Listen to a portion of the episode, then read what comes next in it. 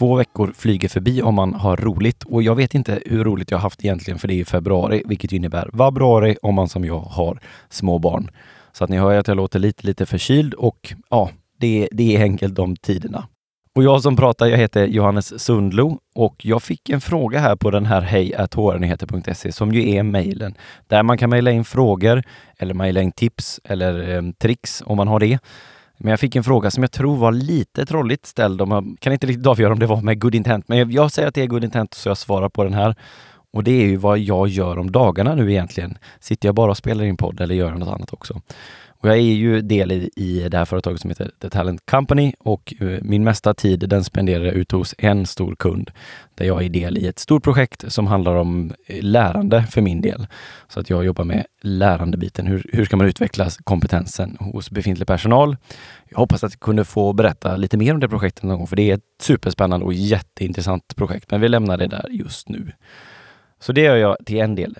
Sen delar jag resten av tiden som jag eventuellt har kvar mellan två saker egentligen. Det ena är ett investmentbolag som jag heller inte kan prata så mycket mer om, men där vi är inne och hjälper dem på lite olika sätt. Och sen då så bygger jag Alexis HR. Och vad är då Alexis HR? Jo, men det är ett HR-system som vi bygger för små och medelstora bolag. Nu är det ju väldigt mycket egen sak här, men jag tycker det ser fantastiskt ut. Och det, det, är klart att det inte kan mäta sig mot de riktigt stora drakarna, men ja, det börjar till och med komma upp så att vi tycker att, eller jag tycker att det kan mäta sig med de riktigt, riktigt stora gedigna eh, HR-systemen. Och sen kostar det ju en bråkdel utav priset såklart.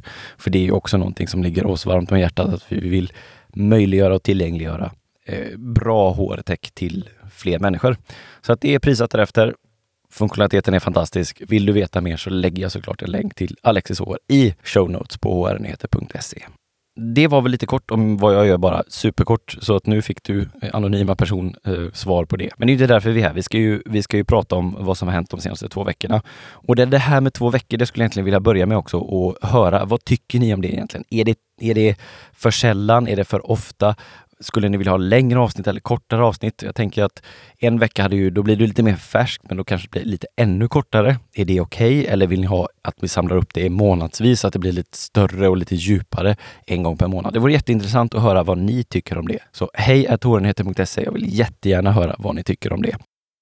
Vi dyker in i den första artikeln. Och vi har ju knappt vant oss än vid att vi ska kallas people, men nu föreslår oss det då att vi ska kallas Chief Change Officer istället för Chief People Officer. Och det är Bridgestones indiska HR-chef som föreslår det och han bygger det utifrån argumentet att eftersom hela arbetslivet står inför en sån monumental förändring så vore det mer passande att kalla oss Change. Och det här är väl också någonting att vi inte ens kan enas om ett namn för vad vi ska göra. Påvisar väl att vi faktiskt står i den, mitt i den här förändringen som påverkar oss på ett eller annat sätt. Så att ja, det stödjer väl den här tesen. Sen är jag inte riktigt säker på om change är rätt ändå. Men jag tyckte det var en liten intressant artikel och intressant att se vilken take som han tog på det. Och sen annonserades det ju här för några dagar sedan, eller snart en vecka sedan, att Googles HR-chef, hon lämnar efter tre och ett halvt år på den posten. Och det finns något intressant i mediebevakningen kring hennes avgång, för den är inte helt okritisk och det dras relativt stora växlar på att under hennes tid så har Googles interna kultur skiftat. Och nu ska man säga att det ligger ju lite i tiden också att kritisera techjättar, så alltså man ska kanske ta det med en liten nypa salt och ifrågasätta hur mycket av det här som är verkligen sant. Och hon hade ju definitivt ett utav branschens tuffaste jobb och managera förväntningar och employer relations i ett utav de absolut mest hypade och största techbolagen i världen. Men ändå, att, att Googles kultur sakta håller på att ändras till något mer corporate, det tror jag står klart, inte bara genom det här, men utan genom andra kanaler och genom andra insikter som, som kommer utifrån Google. Och då är ju frågan då, kommer de klara att hänga med i vad framtidens arbetsliv kommer vara, vad det nu än kommer vara. Eller kommer nästa generation som kommer ut på arbetsmarknaden se lite som vi ser på IBM? Nu ska jag inte kasta skit på IBM här, för jag vet väldigt lite om hur det är att jobba där egentligen. Men, men att det blir lite mer corporate och lite mer tung, gigantisk IT-jätte över det hela. Det är intressant att, att följa den här eh, bevakningen som har varit kring, kring hennes avgång. Ett, ett av de absolut längsta och kanske mest vinklade men också ett av de mest intressanta inläggen kommer från Vox. Och jag lägger såklart länk till det på hrnyheter.se. Jag tycker det är värt att hålla koll lite på vad Google gör eftersom de väldigt länge nu har, har ansetts ligga så långt fram inom vårt område. Per Brolin och hans podd HR-chefen har släppt ett nytt avsnitt. Och jag gillar för övrigt den podden väldigt mycket och det, jag tror att det är tack vare att Per låter de som intervjuas verkligen stå i centrum. Och han gräver djupare i frågeställningar också. Jag, jag, gillar det. Jag gillar hans sätt att angripa det. Och i årets första podd så är det Lisa Wik hos Tenant Partner som intervjuas om hur de har gått till en chefslös organisation. Och jag ska erkänna att jag inledde det här lyssnandet lite skeptisk. Funkar det verkligen? Det är klart att någon måste bestämma. Och känns det inte lite 70-tals batikbyxa över hela idén att inte ha några chefer och alla, att alla ska få vara med och kumbaya och så vidare. Men, men efter att ha lyssnat på hela avsnittet så tycker jag ändå att det finns något intressant i konceptet.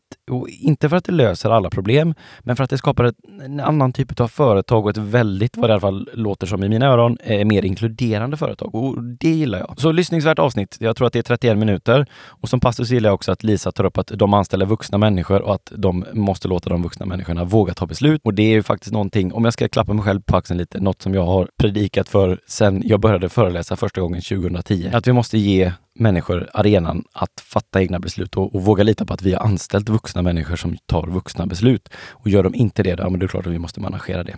Och länk till det avsnittet ligger såklart på hrnyheter.se. Och sen har Astrid eh, Svedreus, hon har smält till och gjort 2020s bästa sammanställning eh, redan i februari. Och det ska väl mycket till för att någon ska klå henne på fingrarna här. Och, och det som hon har gjort, det är en sammanställning av tio metaanalyser tycker att varje person inom HR bör känna till.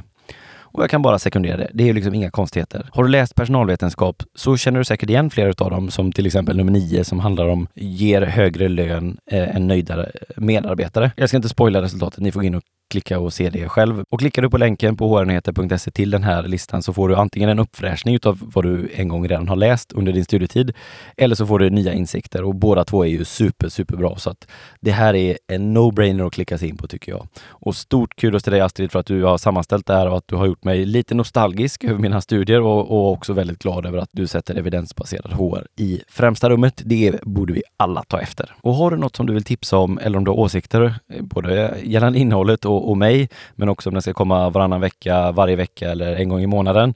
Så mejla mig gärna på hejhrnyheter.se eller pinga mig på LinkedIn för den delen och du hittar mig där under Johannes Sundlo såklart. Alla länkar till det jag pratat om, det ligger på hrnyheter.se också och eh, jag kan spela in den här podden tack vare att min snälla arbetsgivare The Talent Company tillåter mig att göra det. Så tack The Talent Company. Jag lägger en länk till, till oss också så kan du kolla in oss om du vill det. Och i övrigt så önskar jag dig en fantastisk tisdag om du lyssnar på det här på en tisdag. Annars får du ha en fantastisk dag, vilken dag det än är du lyssnar på det här. Vi hörs igen om absolut senast två veckor. Tills dess, ha det bra.